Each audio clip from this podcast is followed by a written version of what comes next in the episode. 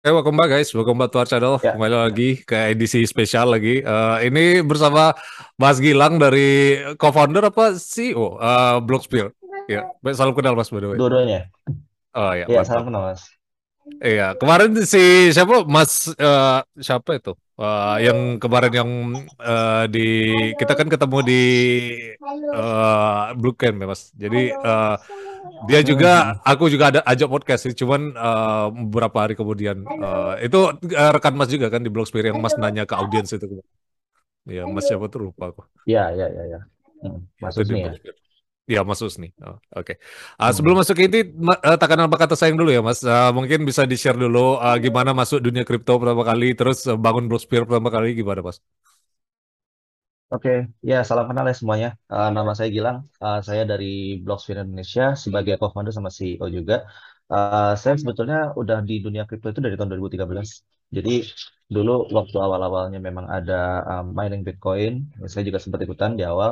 Tapi kalau untuk eh, mulai masuk investing itu tuh di tahun 2017. Terus di tahun yang sama saya juga em, ikutan di komunitas namanya Indonesian Blockchain Network sambil di situ juga bangun company yang namanya Blocksphere Indonesia ini sampai sekarang. Terus eh, kalau untuk eh, aktif di dunia kripto sebetulnya di tahun 2017 sempat masuk, terus tapi nggak terlalu serius di tahun 2020 eh, lebih diseriusin lagi. gitu. Kalau company-nya sendiri itu sebetulnya eh, Blocksphere adalah untuk blockchain development and consulting. Jadi kami memang sudah uh, mengerjakan lebih dari 20 project di enterprise di Indonesia. Kalau untuk uh, project global kita udah ada uh, empat di antaranya uh, yang sifatnya itu adalah buat uh, masuk ke level IDO gitu. Iya. Jadi mungkin Ya, eh, gitu bisa jadi kayak konsultan kayak gitu ya, blockchain konsultan kayak gitu ya, Blogsphere ya. Kalau boleh tahu. Iya, iya, iya. Jadi memang kita uh, pekerjaannya memang kita sehari-hari adalah untuk membantu uh, company yang mau mengimplementasi blockchain gitu. Jadi kita jadi konsultannya. Lalu kemudian kalau misalnya mereka juga uh, ingin ada development, kita juga uh, certified blockchain developer kita juga di company kita ada uh, cukup banyak. Iya, soalnya ka- kayak public company yang eh, MicroStrategy yang Mas tahu kan, Michael Saylor itu kan eh, Hmm, mungkin hmm, company udah uh, mulai Bitcoin standar semua ya, ngadopsi Bitcoin jadi aset mereka. Makanya butuh kayak konsultan hmm. kayak gitu juga kan. Heeh.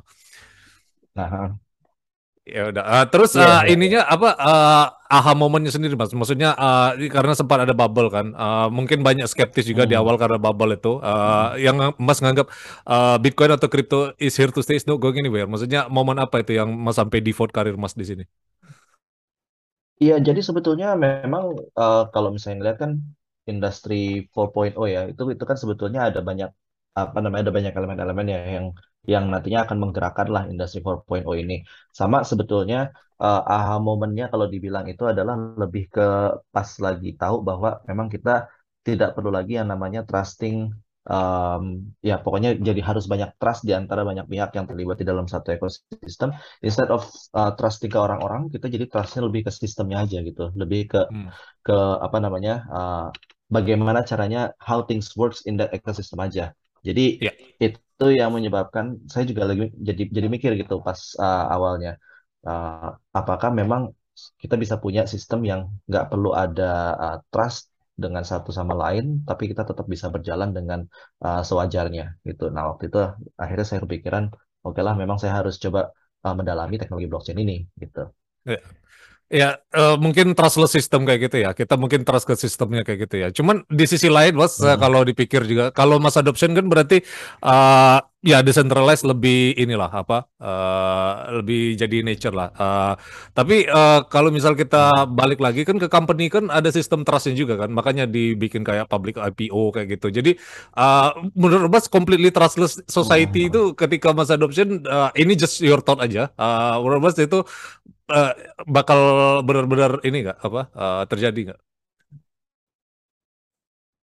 Uh, yes and no sebetulnya ada Iya. ada apa namanya ada tempat-tempat di mana itu akan cocok kalau misalnya mass adoption dari sisi trustless itu tuh ter, apa namanya tercapai tapi juga kita juga melihat ada tempat-tempat di mana yang memang harus ada uh, pengaturan yang levelnya itu lebih ke human apa namanya human basic human interaction lah Iya. gitu ya. Mm-mm. Iya, soalnya uh, kalau libertarian ini kan nggak pengen ini kan, dikontrol sama pemerintah atau apa, makanya uh, pengen meng menghilangkan sistem trust itu.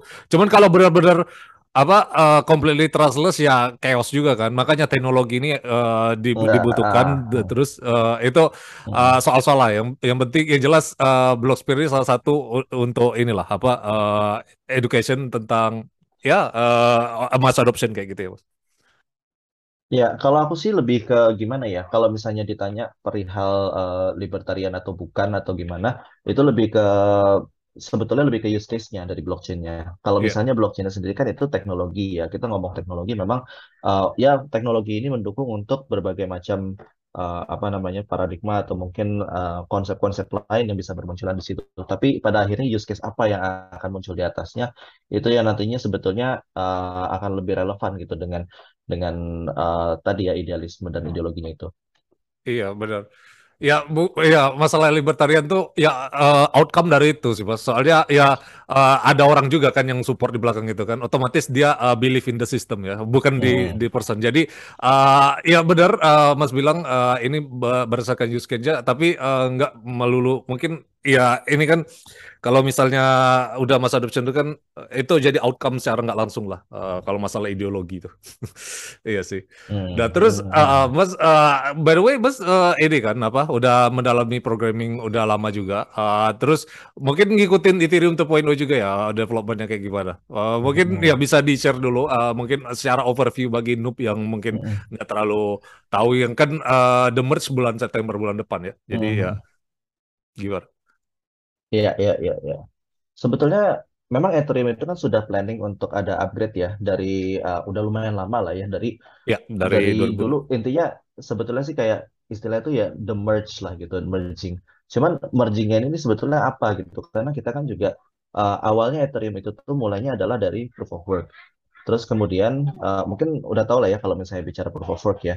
Kan Ya, proof of work ini kan berarti kan uh, adalah kita mungkin nyebutnya udah lebih legacy-nya aja ya gitu. ya. Jadi kita ada uh, jadi bukan saya sih lebih ke Ethereum Ethereum Ethereum sendiri ada ya. plan planning merging itu tuh udah lumayan lama itu untuk di tujuannya itu adalah untuk improve networknya lah gitu. Jadi uh, ini cukup apa namanya cukup penting gitu. Jadi bagi bagi developer-developer untuk uh, nantinya akan bisa mengembangkan uh, hal-hal yang lebih menarik lagi di atas network ini gitu. Jadi nanti yang akan di merge itu adalah Ethereum mainnet atau yang public Ethereum itu dipakai sama orang-orang sekarang ini. Jadi uh, biasanya itu di apa namanya uh, nantinya akan di di di merge sama yang namanya Ya. itu beacon chain. Jadi Ya. ada mainnet terus yang beacon chain ini nih udah paralel nih, dia udah eksis Ya. bareng-bareng gitu ya. Cuman Ya. uh, yang sekarang dipakai itu adalah untuk yang mainnet, tapi uh, apa justru yang mainnet ini yang dipakai untuk processing uh, transaksi-transaksi. Nah, nantinya kalau misalnya sudah merging, mainnet ini nanti akan pindah dari mo- apa namanya dari proof of work ini dan nantinya akan make yang si beacon chain ini, yang si proof of stake ini gitu. Jadi uh, ibaratnya yang satu adalah layer di eksekusinya, which is itu akan memproses transaksi, lalu ada Ya. yang eks- apa layer untuk yang di konsensusnya gitu. Nah, Ya. nanti digabung jadi uh, apa proof of uh, sorry bukan. Jadi uh, namanya Ethereum 2.0 ini gitu. Singkatnya Ya. gitu sih. Iya benar. Eh, tapi juga kan di sisi lain juga eh, ini beremas eh, seperti hard fork atau enggak? Soalnya kan eh, Ethereum pernah hard fork ya pas eh, jadi Ethereum klasik ya. Hmm. Eh, terus juga Ethereum klasik itu kan sering eh, 51% attack Mhm. juga. Eh, mungkin secara protokol level eh, kalau dijadikan proof of eh, stake eh, lebih securean mana? Eh, proof of work atau proof of stake eh, menurut Mas? Uh, sebetulnya gimana ya? Kalau saya bilang sih lebih ke proof proof of stake seharusnya lebih secure sih ya. Karena uh, sebetulnya proof of stake itu tuh lebih mem- memperbanyak orang-orang yang bisa join untuk jadi tanda kutip mengamankan networknya itu sendiri gitu daripada kita punya proof of work yang mungkin uh, secara nggak nggak apa namanya sih uh, unspoken truth-nya itu adalah proof of work itu ya didominasi sama orang-orang yang uh, atau pihak-pihak yang memang punya computing power lebih besar gitu pada akhirnya. Ya, Karena at the end of the day, um, besar-besaran dana yang dibangun untuk membangun proof of work itu, ya itu akan menjadi uh, ya semakin besar dia, berarti dia akan menjadi aktor yang semakin besar punya stake di dalam uh, chain-nya gitu. Sementara kalau kita pakai proof of uh, stake, kita menyebar itu menjadi lebih banyak lagi aktor yang bisa uh, ngebantu ngamanin uh, networknya. Iya sih. Soalnya ya aku juga ngerti untuk masuk ke Ethereum 2.0 kan uh, kita ini ya apa uh, harus ada Iya 32 ETH dulu kan untuk jadi validator ya kan. Jadi uh, it's not uh, really affordable yeah. juga kan. Jadi uh, berobas itu ya un untuk nah, ya mungkin kalau dibandingkan alat mining ya uh, masih ada lah yang ETH miner yang bisa rumahan kan. Tapi uh, kalau Ethereum hmm. 2.0 jadi become validator ya walaupun tetap ada juga kalau di exchange itu kan sistemnya pool kan. hmm. kan. Jadi walaupun kita yeah, nggak yeah, 100% punya 32 ETH masih punya akses tapi uh, ya itu ngikut pool yang di exchange itu hmm. misalnya kan. Jadi misal kalau Mas tahu uh, yang Lido apa yang kemarin yang dari uh, Triesi yang blow up tuh kemarin kan dia kan uh, hmm. Ethereum 2.0 kan kita di kolateral kan nggak bisa ditarik kan uh, sampai uh, the merge ya udah selesai kayak gitu. Nah, terus uh, hmm. kita bisa redeem itu tapi pakai STI uh, itu pack one to one dari ETH kan. Nah, itu uh, uh, uh, itu uh, ya maksudnya uh, sisi yang uh, for everyone-nya yang mana mas? Soalnya kan 32 ETH kan uh, nggak uh, affordable for some people ya. I don't know. Ya, yang jelas 32 ETH itu kan nggak affordable kalau dia mau jadi validator kan. Kalau misalnya mau jadi running node aja ya sebetulnya nggak perlu 32 ETH itu gitu. Cuman at the end of the day sebetulnya gini sih, memang uh, 32 ETH itu sebenarnya kalau 32 ETH kalau di rupiahin berapa sih sekarang? Hampir satu BTC lah, iya. Satu, yeah. uh, satu BTC nyampe lah ya gitu. Nah, uh, karena 32 ETH kalau misalnya kita melihat angka 32 terus kemudian kita konversikan dengan uh, pricing yang sekarang ini gitu. Memang uh, tujuannya itu adalah kita nggak nggak apa namanya nggak nggak nggak memaksa orang itu tuh untuk uh, punya 32 ETH itu untuk menjadi validator, tapi dia juga cukup juga untuk menjadi node aja gitu kalau misalnya dia mau ikutan apa namanya sih ikutan ikutan di dalam networknya ini gitu. Nah, ketika uh, ketika dia uh, punya 32 ETH itu ya berarti kan uh, dia sudah cocok, sudah cukup untuk menjadi validator di sananya gitu. Kalau misalnya kita bandingkan 32 ETH kalau misalnya menjadi uh, ikutan di dalam kayak pool gitu seperti uh, apa namanya seperti yang ada di Asia tadi itu. Namun kalau misalnya yang uh, mining ya berarti kan dia juga harus punya apa punya power yang cukup besar juga untuk menjadi pool tadi itu. Kalau misalnya kita kemudian join di dalam pool mining yang uh, yang proof of work, sebetulnya mining pool yang di proof of work ini berarti nantinya dia akan punya apa? Uh, kalau nggak salah sih ya, dia itu ya berarti nanti ya, akan menggabungkan kekuatannya itu tuh ya semuanya akan running di sana gitu. Namun kalau misalnya dengan uh, proof of stake ini, walaupun memang uh, biayanya uh, apa namanya cukup besar juga dengan 32 ETH tadi itu, artinya dia tetap akan mendapatkan uh, apa namanya porsinya sendiri-sendiri gitu di dalamnya gitu. Saya rasa sih sebetulnya uh, ini lebih lebih make sense ya buat buat orang-orang yang uh, mau coba mining di situ. Eh, sorry, mau coba jadi validator gitu di proof of stake. Iya. Yeah. Sejujurnya itu ya untuk kalau, hmm. kalau kalau kalau aku sih sebetulnya uh, ngerasa seharusnya juga nggak nggak nggak sampai 32 ETH juga sih. Itu agak sedikit terlalu besar untuk orang bisa uh, untuk orang bisa join juga ke dalam network. Iya, ya itu tadi so soalnya Mas sebutkan yang ini tadi kan apa uh, mining powernya gede jadi uh, decentralized-nya nggak uh, terlalu uh, tergambarkan lah. Uh, tapi di sisi hmm. lain juga uh, ya yang punya kapital banyak udah masuk duluan di ETH itu kan. Soalnya Uh, setahu aku hmm. yang uh, early adopter atau yang punya portionnya lebih awal uh, sebelum the merge sih, hmm. uh, mungkin terinsentif untuk ini apa, uh, untuk ya staking 32 ETH atau lebih itu. Soalnya APY-nya kan tinggi, makin hmm. lama kan makin nyusut kan. Jadi uh, ya mungkin benar ya Mas hmm. bilang, uh, ini cuma masalah preferensi aja. Uh, tapi kalau misal dibandingkan lebih decentralized uh, kita uh, masuk 32 ETH itu kan ketimbang uh, kita running node sendiri kan. Sorry, sorry, gimana? Uh, kalau dibandingkan uh, jadi validator 32 ETH itu uh, lebih decentralized itu kan ketimbang kita apa uh, running node sendiri kayak gitu kan. Ya seharusnya begitu. Iya benar. Jadi ya itulah soal-soal uh, mengenai desentralisasi di uh, Ethereum uh, 2.0. Uh, tapi kalau misal ini kan bakal jadi split chain kan mas. Uh, aku baca ke kemarin uh, researchnya di Bitmax itu, uh, dia uh, bakal ada ETH POW uh, uh, chain sama uh, ETH POS Hmm. uh, chain.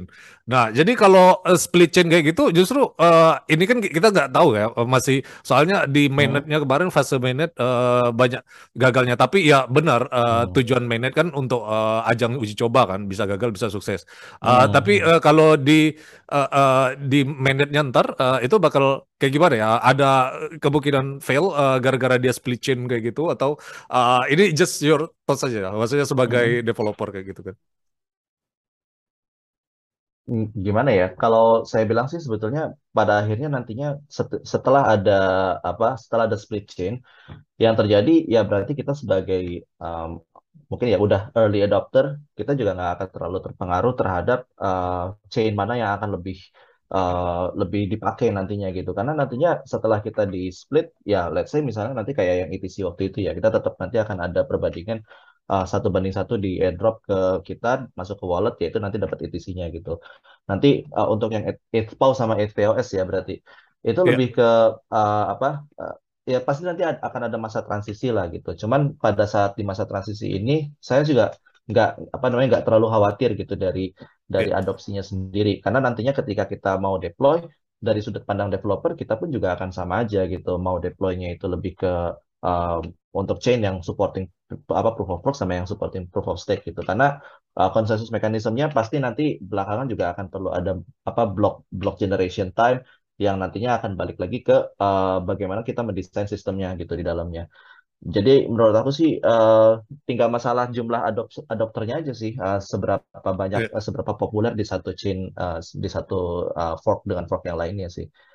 Memang uh, apa ya banyak orang yang mungkin ngerasa ada yang nge-split gitu tuh lebih baik gitu ya. Cuman uh, aku rasa sih sama aja sih mau itu nanti akan uh, split atau enggak. Iya benar. Ya ini tergantung market lagi lah, yang mana yang adopsinya lebih ini. Soalnya uh, uh, dulu Bitcoin tuh hampir kayak gitu juga. Mas pernah dengar yang block size more itu gak? Tahun 2017. Kan waktu itu Bitcoin Cash pengen Mhm. ini kan, nge- ngedein bloknya kan. Makanya ada ha- hard fork kayak gitu Hmm. kan. Nah coba Hmm. de- waktu itu Hmm. ya tetap apa? uh, mungkin uh, Bitcoin Cash masih bisa inilah apa? Hmm. Secara uh, short term Hmm. bisa outperforming Bitcoin lah. Cuman in the long run uh, balik lagi ke konsensus sih Hmm. eh, apa masalah ya kemusyawaratan itu sih I don't know Ya, uh, apa namanya ya? Kalau tadi kan ditanya lebih ke sudut pandangnya kita ya sebagai apa developer ah. sebagai developer gitu ya. Um, again, kalau misalnya dari aku sih, aku nggak melihat akan ada, ad- sejauh ini aku nggak melihat akan ada kerugian yang kita uh, rasakan dengan adanya split tadi itu di luar dari um, marketnya akan lebih besar yang mana gitu. Iya, Karena dulu pun juga begitu. Uh, ketika nantinya develop di, eh, ketika awalnya developnya di Ethereum, terus kemudian Ethereum di ada forking ke Ethereum Classic, yang terjadi sebetulnya semua code kita juga akan tetap bisa berjalan gitu. Karena kan engine-nya juga sama di belakang virtual machine-nya sama, iya kemudian benar uh, connecting API-nya juga akan sama.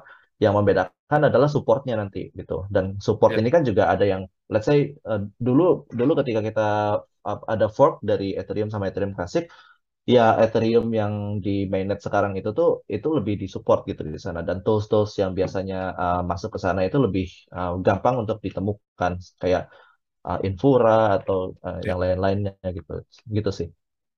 Iya, kalau ya Infura berarti kayak RPC kayak gitu kan, Mas. Cuman eh, kita apa eh, waktu itu pernah inilah eh, nggak terlalu desentralized juga kan eh, Infura tuh eh, anu shutdown juga. Tapi eh, ntar kalau Ethereum Iya, iya, 2.0 ini kayak eh, ya gimana Mas? Sorry.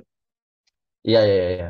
benar-benar tadi ngomongin Infura jadi Iya lanjut benar. Ya ini kita bukan anu apa men- menyudutkan Infura lah, tapi eh, emang faktanya kayak gitu kan eh, di belakang. ta- tapi eh, kalau misal Ethereum benar-benar ini ya jalan lah sesuai rencana atau sukses kayak gitu, menurut Mas nasib dari eh, benar-benar bikin scalable nggak? Soalnya kan tujuan awalnya kan pengen mereduce dari gas fee itu kan. Eh, tapi di sisi lain kita tahu gas fee itu eh, ya be- bergantung daripada networknya tuh eh, benar-benar dipakai atau enggak kayak gitu, dari congested apa enggak. Jadi Hmm, Bro, Mas eh, bakal mereduce itu eh, terus hmm, gimana perspektif Mas? Sama eh, eh, layer-layer on top yang kayak RPC tadi. Itu bakal lebih Kalau scalable lah. iya. Kalau aku sih sebetulnya lebih yakin begini sih. Uh, kita nggak mungkin akan bisa bisa lebih ke lebih condong ke arah uh, gas fee lebih murah atau mungkin scalability-nya itu atau mungkin gas fee mahal atau gimana. Jadi pasti nanti akan ada balance di situ dan balance ini kalau menurutku sih akan menciptakan kayak fair price-nya untuk Ethereum sendiri gitu. Jadi akan ada sweet spot-nya di mana uh, harga Ethereum yang dibandingkan dengan gas fee yang dikeluarkan itu tuh itu akan membuat orang masih tetap mau pakai tapi nantinya juga akan tetap bisa scalable di sana. Kalau aku bilang sih uh, dengan apa dengan gas fee yang uh, yang lebih rendah, pastinya itu akan meningkatkan adopsi gitu. Dan ketika adopsinya itu meningkat, pasti nanti akan network akan semakin congested kan. Kalau networknya Ya, semakin congested, berarti kan nanti uh, ya pasti akan bolak-balik lah gitu. Jadi ya jadi muter aja terus gitu. Dan sampai nantinya akan muncul uh, balance-nya itu gimana. Cuman uh, itu idealnya, itu idealnya. Tapi kita juga pasti akan pasti tahu juga lah bahwa uh, kriptonya sendiri, Ether sendiri itu kan juga um, apa ya. banyak ya volatile, banyak spekulan, banyak orang yang memang Ya, manfaatkan harga untuk uh, nge-shorting lah, ngelong uh, Ethereum atau gimana. Jadi uh, apa aku sih pas uh, ngomong kayak gini juga harus diharapkan sama kenyataan gitu bahwa emang ya, akan sulit gitu untuk mencapai ke sana. Iya.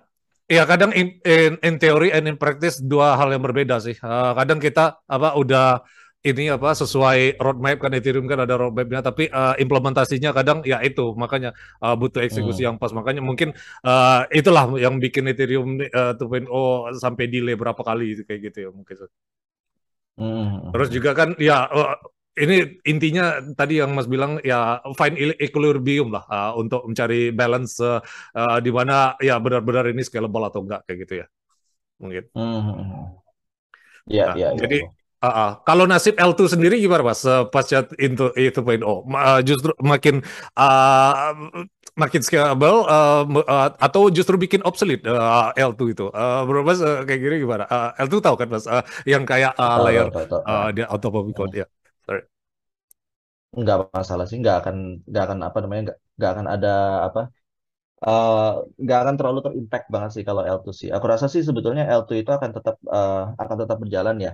Dengan pastinya eh, L2 kan juga di awal itu tuh spiritnya untuk ngebangun L2 adalah untuk meresearch bagaimana kita bisa men-scaling Ethereum itu tuh dengan eh, dengan berbagai cara lah gitu. Dan Ethereum eh, dan L2 ini dia pasti akan evolving sih. Aku aku bilang sih begitu sih. Iya. Dan eh, eh, Ya, soalnya kan uh, ini kan apa Ethereum 2.0 kan bikin scalable hmm, kan. Jadi uh, kalau udah hmm, mungkin hmm, scalable, uh, ya what's the point of L2? Jadi uh, mungkin uh, market share-nya bakal lebih ke arah hmm, mana nih? Maksudnya uh, uh, ya kita kan nggak ada yang tahu ya market ini kan uh, hmm, uh, hmm, ada hmm. unsur spekulasinya. Uh, tapi uh, Mas di sini uh, idenya adopsinya lebih uh, bakal lebih merata lagi ke L2 mungkin kayak gitu ya. Aku bilang sih eh, nantinya L2 itu juga akan lebih banyak dipakai di eh, platform-platform DeFi ya. Lebih banyak lagi dipakai di platform DeFi sih kalau aku bilang sih. Karena eh, ketika apa? Ketika nantinya udah eh, udah masuk ke 2.0, terus kemudian eh, platform DeFi ini kan juga pastinya mereka akan butuh eh, banyak playing field yang lebih eh, betul-betul lebih spesifik gitu untuk ke use case use case-nya mereka daripada kita em, apa langsung langsung masuk ke ke apa ke, ke Ethereum 2.0 yang masih eh, ibaratnya udah udah dipakai secara masif gitu, ya nantinya tetap akan perlu ada eh, research-research yang tadi aku bilang tetap akan berevolusi juga gitu. Dan Ya. DeFi ini nanti juga mereka akan tetap perlu ada eh, transaction yang lebih cepat lagi di prosesnya gitu. Mungkin ya Oh, daripada proof of, iya, daripada benar. Ethereum 2.0 ini gitu. Hmm. Sekarang Ethereum 2.0 sendiri itu tuh ditargetkan untuk berapa transaction per second ya? Aku kemarin sempat baca kayak mau ngalahin Visa juga sih ya. Iya, benar. Ya, ya itu sih intinya eh, bukan bikin L obsolete, ya eh, tetap aja ada limitnya kan. Eh, itu cuman memper Hmm. eh, scalable-nya eh, bisa lebih eh, baik dari eh, proof eh, proof of work. Cuman di sisi lain juga Hmm. eh, tetap ada limit ya yang masih dibutuhkan di L2 juga kayak gitu ya mungkin ya, Mas. Hmm. hmm, hmm. Ya, jadi ya Iya. itu itu soal uh, Ethereum 2.0 lah guys. Uh, jadi uh, kalian bisa sum up sendiri uh, conversation kita mengenai uh, Ethereum 2.0. Mungkin uh, kalau misal ada ini lagi uh, kalian bisa uh, leave in di kolom komentar kayak gitu ya. Uh, terus uh, ini apa uh, kenapa Mas yang dari developer perspektif kenapa orang ini banyak lebih build on top of Bitcoin ketim uh, uh, Ethereum ketimbang Bitcoin? Soalnya mungkin uh, Bitcoin ini terlalu statik, nggak bisa di programmable atau apa. Uh, ini atau uh, ya Hmm. menurut uh, perspektif dari developer gimana, Mas? Itu yang major sih. Uh, tadi yang udah seperti bilang ya, bahwa uh, scripting capability di Bitcoin itu kan memang sangat terbatas ya. Saya nggak bilang bahwa Bitcoin itu nggak punya smart contract. Sebetulnya Bitcoin punya smart contract tapi harus pakai tanda kutip gitu. Cuman Ya, smart contract yang uh, smart contract yang memang didesain untuk bisa berjalan di atas blockchain itu memang sudah dibuat di atas Ethereum dengan mempertimbangkan pertama scalability, kemudian kedua freedom untuk membuat uh, mau jenis apa pun smart contract itu kan kita menyebut istilahnya kan Turing complete ya. Uh, ya, terus uh, yang yang ketiga juga mencegah untuk dari sisi uh, apa namanya orang suka mungkin DDoS atau mungkin uh, lebih ke exploit lah ya gitu dengan ya. adanya uh, sistem gas fee untuk pemanggilan function di uh, smart contract tadi gitu dan uh, memang ketika di ketika dikeluarkan dari awalnya banget sejarahnya Ethereum itu ya begitu muncul dia memang ditargetkan untuk menjadi ya tanda kutip lagi world computer gitu untuk uh, orang bisa menggunakan aplikasi yang sama dari sudut ya. dunia mana pun dan itu emang udah menjadi uh, barang yang dibeli banget sama developer gitu. Maksudnya developer udah buying banget gitu dengan ide-ide tersebut gitu. Jadi uh, apa namanya nggak cuman dari sisi kematangan dari teknologinya juga, tapi kematangan dari uh, pengguna dan uh, developernya juga gitu untuk melihat produknya. Iya sih, soalnya ya ini kan Ethereum kan eh, apa eh, kayak protokol kayak gitu ya. Mungkin ke comparable kayak Linux mungkin ya. Eh, similar market terus Hmm. eh, dia kan eh, apa eh, ada ini juga kan validate eh, barrier networks ya eh, berdasarkan eh, EVM compatible ya, EV- EVM eh, maintainer. Jadi ya benar Om, sih yang uh, Mas bilang eh, mungkin eh, untuk Bitcoin sih hanya ini aja sih apa Eh, ya bener lah, nggak bisa di programmable. Ya bukan berarti eh, eh, kayak Mas pernah denger stack nggak? Eh, Bitcoin stack. Eh, itu kan eh, dia mencoba untuk hmm. build eh, smart contract on top of Bitcoin kan. Cuman eh, itu kan nggak 100% eh, eh, ini apa dari Bitcoin eh, layer layer one kan. Eh, layer Hmm. 2-nya mungkin kayak kalau Mas pernah like, Lightning Network kayak gitu. Line tapi itu network. Hmm. eh, bisa dibilang eh, ini juga bukan bukan apa smart contract juga. Tapi eh, kita lihat Hmm. juga ke belakang kan pertama kali NFT itu kan dari Bitcoin kan Eh, kalau Mas pernah ini kan. Baru eh, ini apa eh, jadi Hmm. Ethereum kayak gitu. Mungkin ya benar itu nature dari Bitcoin ya eh, dari digital gold. Eh, orang juga kan nganggap eh, Ethereum ini kayak digital oil ya. Jadi bisa diprogrammable kayak gitu. Hmm. Ya mungkin ya ini apa eh, komparasi ya kenapa Bitcoin eh, nggak bisa dijadikan eh, ini ya decentralized eh, ini ini apa eh, programmable money kayak gitu ya Mas. Iya, jadi gimana ya? Uh, kalaupun nantinya uh, Bitcoin sendiri mau dibuat uh, jadi arahnya jadi kayak Ethereum gitu ya, atau mungkin jadi uh, sekarang blockchain mana sih sebetulnya nggak yang begitu dibuat tapi nggak mendukung adanya um, smart contract? Karena kan use case use case-nya itu yang masuk um, besar ba- banyak banget lah gitu. Mau itu use case-nya dari DeFi, mau use case dari mana. Dan NFT sendiri sebetulnya hanya sebuah standar gitu. Ya, Standar uh, apa? Standar atas sesuatu yang nantinya akan dipakai secara mass adoption.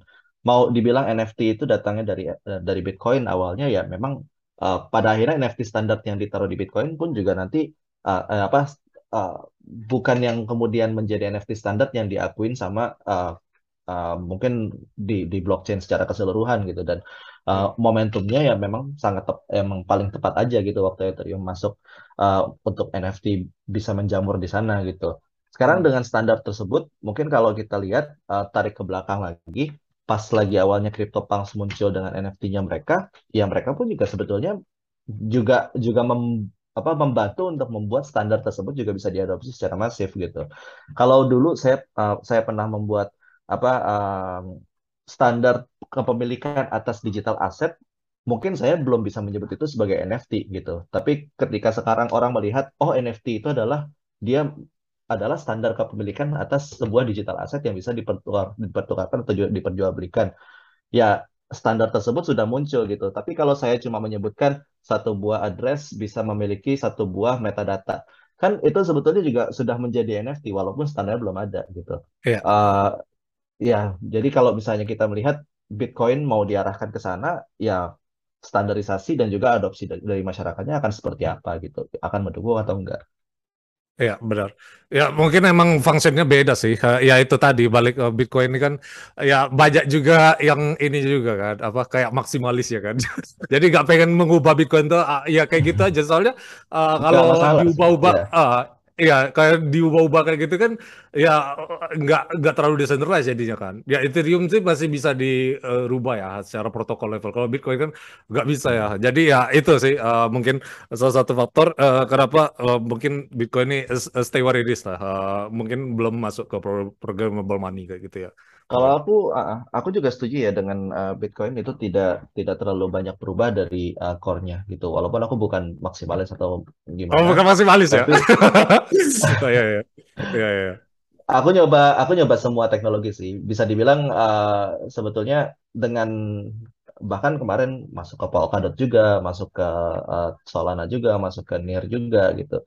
Dan apa kalau misalnya kita lihat ya kita nggak akan bisa menemukan satu uh, satu jawaban satu jenis blockchain yang bisa dipakai untuk segala macam permasalahan use case yeah. yang ada gitu. Oh. Dan dengan dengan Bitcoin yang memang uh, difokuskan untuk uh, bagaimana dia bisa excellent di bidang uh, transaksi uh, keuangan yang pada saat ini udah udah udah mereka punya gitu. Ya dia true to the true to the nature gitu. Ya udah seperti itu aja gitu. Yeah. Uh -uh. Ya itu sih. ya masih malis nih. Ya ini it's not a bug lah, it's a feature lah. Jadi uh, ini uh, secara nggak langsung adopsi itu kan involve manusia juga kan. Jadi uh, tetap aja ada maksimalis. Hmm. Ya, aku sendiri kategori maksimalis sih, tapi aku tetap open uh, orang uh, kalau mau nge-share apa kan. Bukan berarti kita apa kalau maksimalis ini kan ada levelnya sampai toksik gitu kan, sampai ya bikin uh, ya itu itu soal-soal lah. Yang jelas ini salah satu bagian culture lah kayak gitu lah. Jadi Ya, jadi seperti itu ya guys, masalah maksimalis. Jadi uh, Mas Gilang nggak termasuk maksimalis juga. Ya jelas uh, ini salah satu outcome lah dari kripto. Uh, uh, tetap ada budayanya juga. Uh, jadi ini uh, hampir saya sama kayak gaming atau K-pop lah. Uh, bakal ada ini uh, ultras ya kan, tim yang ini ya apa terlalu bela, bela bukti. itu nggak uh, bisa dihindari sih. Tapi ya tetap kita apa uh, terima perspektif dan uh, kalian uh, jadi kebutuhan edukasi kalian kayak gitu ya Mas. Setuju, Ter setuju. Ah, terus uh, Mas juga ide tadi kan menyebutkan beberapa blockchain kayak gitu ya, Solana dan Ethereum udah berkecimpung yang kayak gimana. Ya kita tahu uh, tiap masing-masing blockchain ada ininya lah, ada kelebihan, ada kekurangan, ada pros, ada cons. Uh, tapi menurut Mas, ya ini kan Ethereum itu kan hmm. ya secara network effect, uh, secara uh, user mungkin uh, lebih decentralized dan lebih uh, inilah. Makanya uh, Ethereum dan Bitcoin itu hmm. uh, uh, agak susah terpisahkan dari nomor satu dan nomor dua. Nah, uh, tapi uh, ya ini bukan non financial advice juga, tapi uh, di sisi lain berubah selain dua itu uh, yang menurut Mas ya uh, the greatest invention maksudnya gimana? Soalnya kalau misal kita tarik, aku nggak hmm. pengen menyudutkan atau kayak gimana hmm. ya kayak hmm. Solana kemarin itu kan banyak ya networknya di uh, di yeah. shutdown terus rahasia, nah, rahasia uh, umum lah. Iya, ya udah rahasia umum. Tapi bukan di, di sisi lain nggak nggak ada unsur menyudutkan. Nah, menurut Mas di sini hmm. yang udah berkecimpung di beberapa blockchain, uh, menurut Mas ya ini uh, just opinion aja, perbandingannya gimana? Hmm, gimana ya? Kalau aku bilang sih blockchain itu pastinya kekurangan yang biasanya orang paling lihat itu adalah interoperable dari satu chain ke chain yang lain, ya nggak sih? Ya. Jadi let's say orang udah punya satu produk yang running well di satu chain, terus kemudian marketnya nggak gede di sana. Terus ketika dia melihat ada market opportunity di blockchain lain, dia jadi nggak bisa apa-apa, kecuali dia mereplace uh, semua code base dia untuk lari ke market yang lainnya ini. Nah, itu uh, kalau dari kami ya sebagai developer, itu sangat uh, sangat terasa gitu bahwa kita jadi harus kerja dua kali. Dan kita kita apa ketika kita nantinya mau kerja uh, kerja di satu network terus kemudian kita pindahin ke network yang lain data yang ada di existing network kita pun juga harus kita bridging gitu. Dan ketika mau di bridging bridgingnya sendiri pun juga belum tentu udah ready antara satu network dengan network yang lain. Nah yeah. kekurangan tersebut itu tuh biasanya uh, apa yang yang kita alami ya. Kekurangan tersebut itu tuh menjadi uh, masalah banget gitu untuk developer gitu. Nah, kalau dibilang uh, kelebihan dan kekurangan dari satu chain dengan chain yang lain, aku bilang sih uh, sekarang aku benar-benar ngerasa yang paling paling membantu itu adalah ketika ada satu uh, konsep di mana ada layer zero gitu. Layer zero yang uh, blockchain-blockchain ini beberapa beberapa blockchain yang ada di luar sana ya, seperti Polkadot gitu dia itu ada layer zero di dalamnya gitu dan itu uh, sangat membantu buat kalau misalnya ada relay chain relay chain yang mau dibangun di atasnya gitu eh sorry para chain yang mau dibangun di atasnya dan dia menjadi relay di bawahnya itu Ya, menjadi nilai tambah banget sih dan uh, apa uh, bisa bisa menjadi kayak interconnectivity dari satu chain ke chain yang lainnya gitu. ya. Ya kayak interoperable uh, interoperable chain kayak gitu ya. Kalau Polkadot kayak gitu ya. Uh, soalnya ya for the longest time uh, yang Mas bilang Hmm. tadi benar. Uh, mungkin ya karena uh, udah ada network effect sendiri-sendiri. Uh, terus juga udah ya masing-masing juga udah punya ya database kayak maksimalis kayak gitu. Jadi uh, untuk uh, ke Hmm. cross chain kayak gitu agak-agak susah ya. Uh, tapi ya benar ya Mas bilang tadi. Ya, Hmm. ini tetap non financial wise uh, Polkadot nih emang fungsinya uh, untuk interoperable kayak gitu ya Mas untuk buka satu blockchain ke blockchain lain melalui uh, zero apa uh, layer zero tadi ya Layer zero. ha. Namun juga uh, di luar dari situ pun juga dia kan bukan bukan network utama ya. Maksudnya dia tuh bukan layer, re- bukan relay chain utamanya. Konsepnya sendiri yang menurut aku fascinating sih. Jadi dia dia juga bisa kalau misalnya ada layer apa ada ada network dengan layer zero yang sama gitu di level yang sama tapi saling terhubung gitu kayak Polkadot sama Kusama kan mereka terhubung ya iya benar dari satu apa uh, satu relation ke relation yang lain gitu. Jadi um, potensinya itu ada gitu untuk yang seperti itu. Iya Uh, instead of kita uh, balik lagi ke apa ya balik lagi kita ngomongin ke satu chainnya aja gitu. Kita iya ibaratnya benar kayak ngomongin satu satu buku itu nggak bisa habis ngomongin buku itu aja iya gitu. iya Padahal ya padahal kalau misalnya kita ngelihat kita nggak cuma ngomongin satu buku doang tapi satu saga gitu. iya Ada benar ada Lord of the Rings satu dua tiga nih, jangan cuma Lord of the Rings satu doang gitu. Hmm. Iya sih benar. Soalnya ya itu benar ya Mas bilang tadi. Eh, ya mungkin ya ini tetap uh, no financial advice. eh, tapi eh, ya itulah Pol Polkadot eh, salah satu ya dibilang eh, menghubungkan eh, beberapa blockchain yang selama ini nggak tersentuh mungkin kayak gitu ya Mas. Nah, tapi bagi yang Hmm. noob yang masih ya benar-benar pengen tahu kayak gitu eh, antar perbandingannya tadi, eh, mungkin eh, Mas bisa eh, share dulu eh, apa Hmm. eh, ini kan eh, ada parachain tadi kan di Ethereum, eh di di Polkadot. Terus bandingannya sama Hmm. sidechain sama layer zero. Nah, mungkin Mas eh, perbandingan perbandingan apa eh, definisinya ya eh, menurut noob kayak Hmm, gitu. ya ya ya ya. Ya ya ya. Ini aku uh, coba ngasih pandangan tapi nggak ada nggak ada maksud untuk kayak mau shilling ya. Iya, it's, Jadi it's okay makanya t- cuman ngasih tahu teknologinya aja. Maksudnya parachain itu ya apa, ya ya. sidechain itu Ah, apa, dah terus ya banyak ah, yang chain-chain lain lah, eh, cross chain kayak ya gitu ya kan. ya. Iya. Hmm. Karena honestly aku juga sebetulnya nggak masuk di Polkadot sih. Iya, makanya Nah, ya kita cuma eh, ini aja full disclosure di lah. Iya, benar. di ah, jadi kalau kita ngomongin teknologinya ya, kita biasa bisa bicaranya kalau misalnya di satu network ah, sendiri, kita biasanya mengenal yang namanya mainnet. Ya, mainnet ini nih tempat di mana actually transaksi itu tuh dilakukan dan konsensus itu berjalan gitu. Dan mainnet ini biasanya kalau kita sudah punya satu jaringan yang ah, berjalan dari Genesis block, which is blok ke nol sampai ke blok sekarang, aku lupa blok keberapa Ethereum sekarang, Ya, kita itu ngomongnya adalah tracing dari uh, dari historis dari awal sampai akhir itu akan selalu ada di situ gitu. Dan ya, apa pun aplikasi apa pun uh, network uh, eh, apa apa pun aplikasi lah ya yang akan berjalan di atasnya itu uh, dan smart contract yang berjalan di atasnya itu once dia di deploy dia akan forever ada di situ gitu dan itu akan sangat uh, tumpang tindih dengan segala macam berbagai uh, berbagai jenis um, transaksi yang bisa berjalan di atas jaringan tersebut Uh, baik itu transaksinya mau untuk DeFi, mau untuk NFT, mau untuk uh, use case use case. Let's say kita masuknya kalau DeFi ya finance, NFT, collectibles gitu. Let's say nanti ada healthcare mis- misalnya. Terus kemudian nanti ada legal tech masuk ke sana juga. Uh, ada macam-macam gitu. Tapi pada akhirnya akan masuk ke dalam satu network sendiri gitu dan networknya ini ya uh, akan congested dengan segala macam jenis data ini. Bayangkan kalau misalnya kita punya chain sendiri-sendiri untuk satu use case sendiri-sendiri tadi gitu dan chain ini nih bisa saling terhubung satu sama lain dan mereka bisa saling bertukar data gitu di sana. Dan bertukar data ini nggak cuma bicara cuma token di bridging aja gitu juga Ya, dia benar. bisa ada beberapa data-data lain yang bisa saling dihubungkan antara satu chain ke chain yang lain. Nah, konsep ini ini uh, kalau kita lihat ada beberapa um, apa namanya ada beberapa blockchain yang mencoba untuk ada interoperable seperti ini. Uh, mungkin ada yang pernah dengar ada Cosmos, ada Cosmos. ada uh, Polkadot. Ya Polkadot ini cuman Cosmos aku nggak mendalami. Iya, Uh, nggak apa-apa. Ya, it's Polkadot okay. Ya. Uh, contohnya ya tadi ya uh, dengan konsep parachain dan relay chain itu ya, ya dengan apa namanya dia punya layer zero dan dari layer zero ini yang nantinya akan menjadi penghubung dari use case use case yang nantinya akan menjadi uh, menjadi blockchain blockchain sendiri-sendiri gitu di sana. Even uh, Near sendiri pun kalau nggak salah juga base-nya juga dari Substrate sih, Uh, which Iya, is benar. Substrate itu framework-nya ya, framework yang uh, yang membangun si Polkadot ini. Iya, benar. Ya, Hmm. Ni- Near Protocol ya yang kemarin bangun ini di atas Near Protocol nggak sih? Eh, apa yang Myred Social itu? Sama ini apa? Eh eh, Paras juga pakai Near Near Protocol kan, eh, setahu aku. Eh, ini eh, Iya, iya. Ah, tanpa menyebutkan merek, without mentioning brand, cuman ya itu eh, mungkin yang eh, use case yang ada di Near Protocol mungkin ya kayak gitu.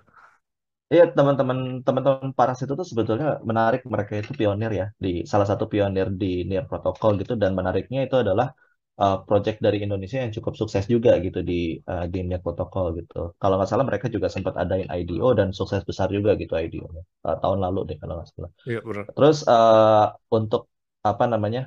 Sorry tadi Social, lebih ya yang kayak social oh media. ya lebih Iya, jadi eh, memang kalau misalnya kita mau bangun di NIR ya ada ada beberapa cara gitu ya. Kita bisa langsung pakai networknya sendiri gitu di NIR atau mungkin ya kita nanti ada satu eh, apa ya membangun di atas blockchainnya sendiri atau bikin bikin chainnya sendiri dan itu nanti akan berhubungan dengan chainnya si NIR protokol ini gitu.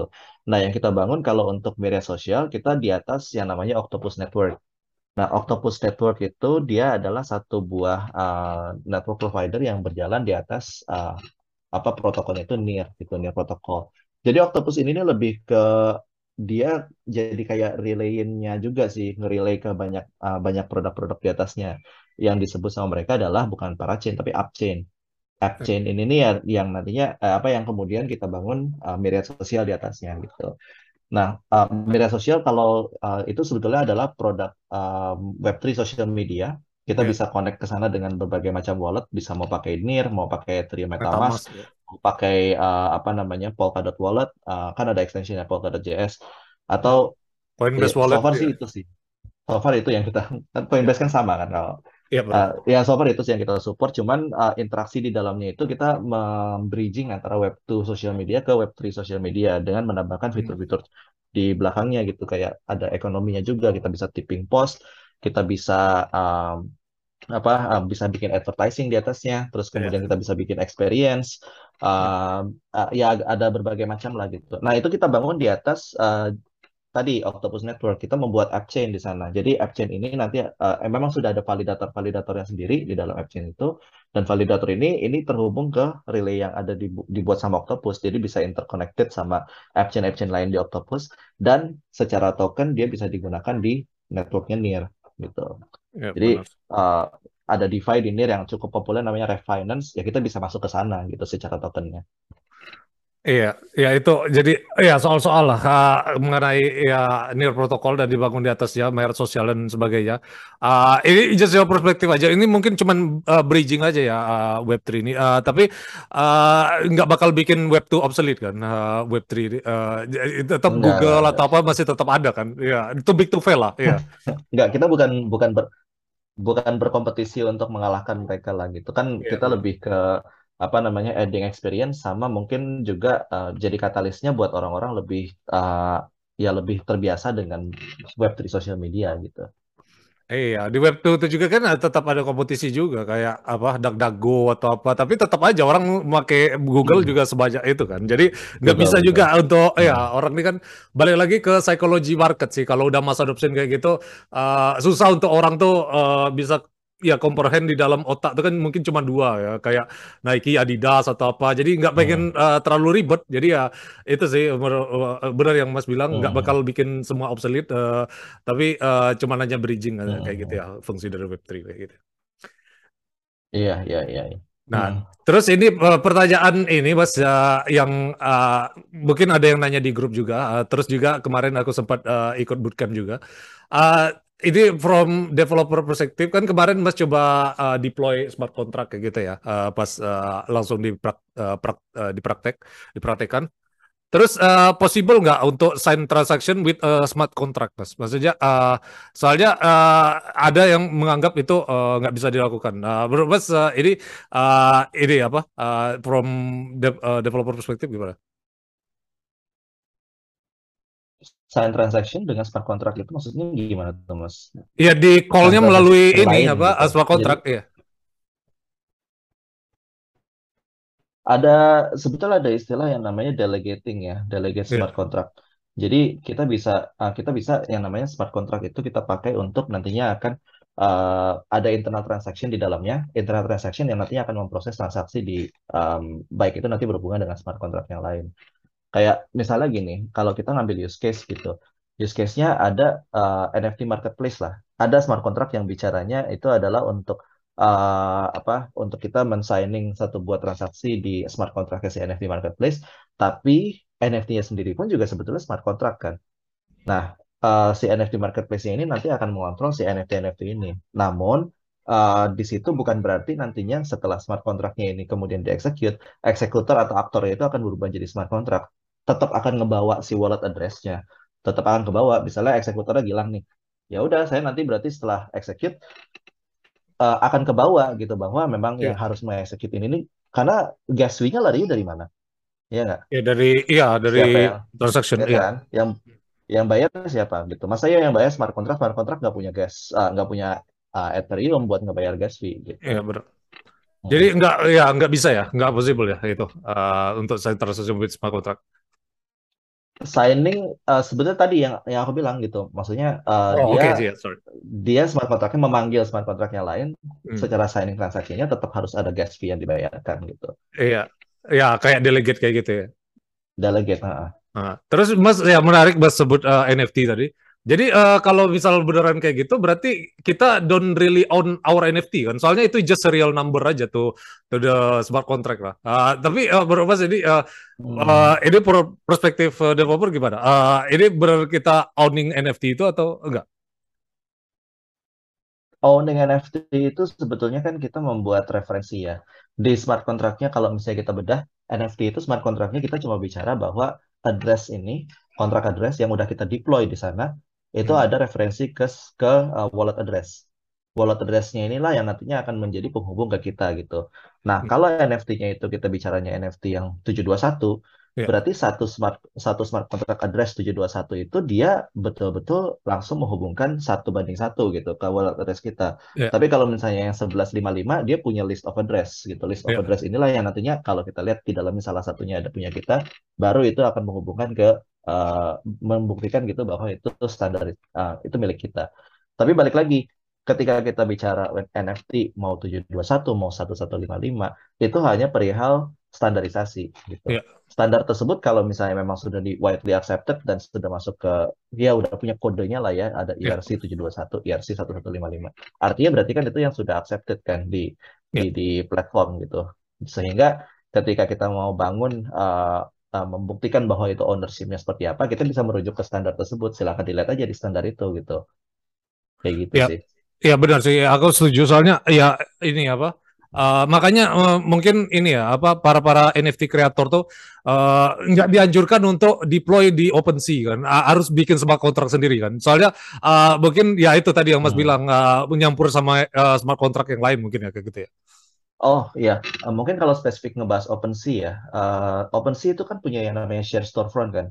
Yeah. Share storefront, share storefront itu tuh ibaratnya kita kayak konsinyasi gitu. Kalau misalnya orang uh, ke warung terus di situ ada ada gemblong, ada lemper, ada bakwan. Ya, gitu. ya, ya. Yang yang bikin bukan si warung gitu, yang bikin ya, kita kita nitip di situ gitu. Ya, Cuman makanya. ketika kita udah ketika kita udah nitip sebetulnya yang yang memegang kontrol terhadap jualan bakwannya siapa gitu. Ya bukan kita lagi gitu. Ya.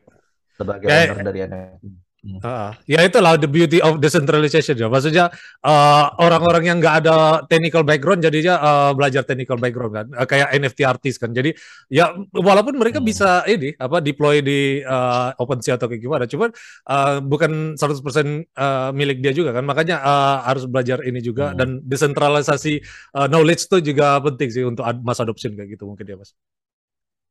Hmm, baik, baik. Uh, ya, terus uh, uh, itu uh, soal-soal tadi uh, mengenai ya possible atau enggak uh, transaksi melalui smart contract kayak gitu. Uh, terus ini uh, karena udah sejam juga mungkin Mas uh, ada uh, urusan lain juga. Aku nggak pakai lama-lama juga. Uh, ini just for fun financial advice. Kira-kira uh, masih bullish nggak? Kalau Mas Ethereum Bitcoin ke arah mana nih tahun depan nih? Uh, apa balik lagi all time high ya atau apa? Gak ngerti aku. Uh. Ya, yeah, just for fun, just for fun. Ya, yeah, just for fun. Oke, yeah. oke. Okay, okay. Honestly, aku kan nggak punya background sebagai technical uh, apa technical analis ya untuk. Iya, yeah, apa-apa. Iya. Cuman, kalau dari uh, apa? Kalau dari Dari mass adoption lah. fundamentalnya Ah. gitu, Hmm. mass adoption dan kayak gitunya. Uh, ini akan balik lagi sih. Tapi balik laginya akan berapa lama? Kayaknya sih aku bilang uh, nggak nggak nggak lebih cepat dari 8 bulan 10 bulan sih. Pasti baru akan baru akan setelah 8 bulan 10 bulan itulah baru akan ada ya kita ngelihat upturn lagi lah gitu. Iya, benar.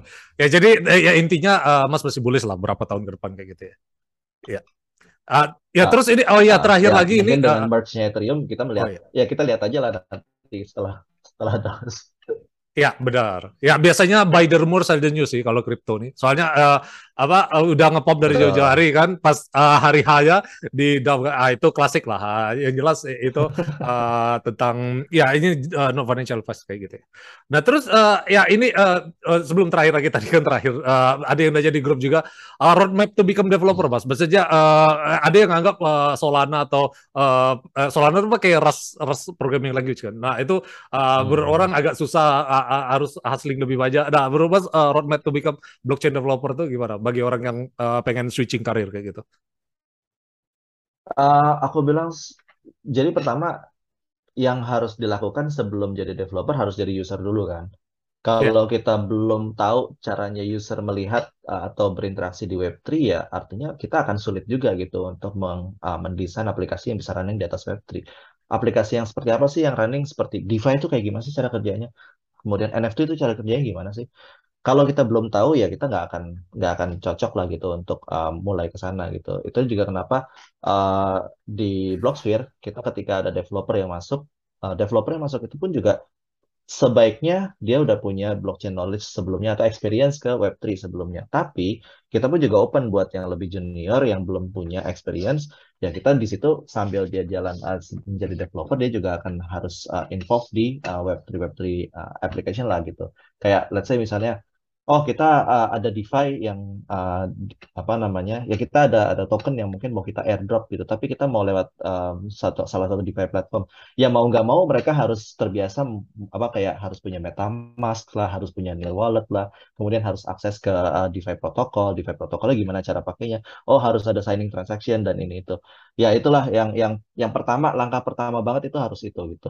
Lalu yang kedua, setelah kemudian kita banyak main-main gitu, kita udah punya apa dia udah punya beberapa wallet, let's say misalnya kita udah punya di Bitcoin wallet, kita udah punya di Ethereum wallet, udah punya di uh, wallet-wallet yang lain, kita udah pakai juga di platformnya. Uh, ya udah uh, dari situ kita mungkin akan lebih nyaman di mana gitu. Kita mungkin nyaman. Oh iya nih uh, apa adopsinya banyak nih di Ethereum gitu. Oh iya ini saya mau bikin NFT. Oh NFT platform paling ramai di mana ya? Oh Polygon. Oke.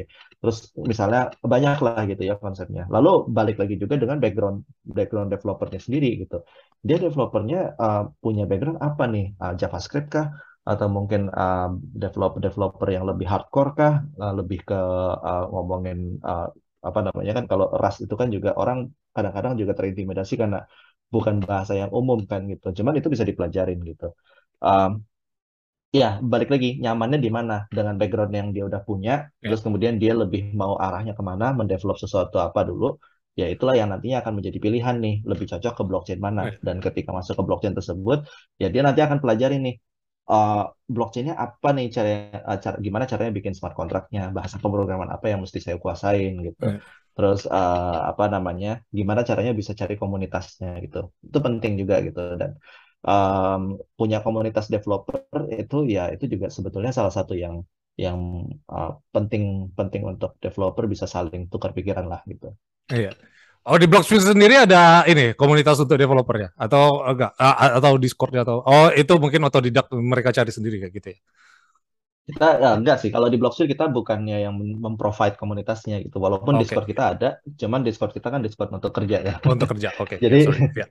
jadi kalau untuk uh, apa namanya kalau untuk join ke komunitas memang uh, banyak yang udah inisiatif sendiri gitu kayak uh, ada yang join di uh, Polkadot community, ada yang join di uh, developer uh, crypto community global ya uh, levelnya itu maksudnya lebih uh, uh, generik ya, generic crypto community gitu. Ada juga yang developer community di Bali gitu, ada developer community di Iya. Jakarta gitu, ada yang join kayak gitu. Ya udah. Ya itu berarti mungkin uh, mereka otodidak sendiri harus cari kayak gitu. Ya ini balik lagi guys preferensi kalian, uh, tujuan kalian karirnya kayak gimana. Uh, uh, walaupun juga uh, kayak Python atau apa uh, ya tetap digunakan juga kayak nggak uh, perlu jadi melulu blockchain developer lah. Uh, kayak data analis atau apa kan tetap masih dipakai lah uh, di blockchain hmm. kayak gini. Uh, contohnya kayak riset-riset yang kayak Nansen atau kayak gitu uh, masih butuh juga uh, kayak gitu. Jadi ini tergantung kalian guys. Uh, jadi uh, udah dijabarkan uh, Eh, dari Mas Gilang mengenai uh, roadmap yang harus kalian lakukan uh, berdasarkan background check kalian dulu ya. Sip. Ya udah, uh, mungkin itu aja mas, karena udah sejam juga. Uh, maybe that's it for today. Uh, thank you mas atas waktunya. Sukses terus untuk karirnya. Uh, guys, sekali lagi kalau kalian penasaran tentang uh, Blocksphere, aku bakal share link deskripsi. And leave a like and subscribe to our channel ya.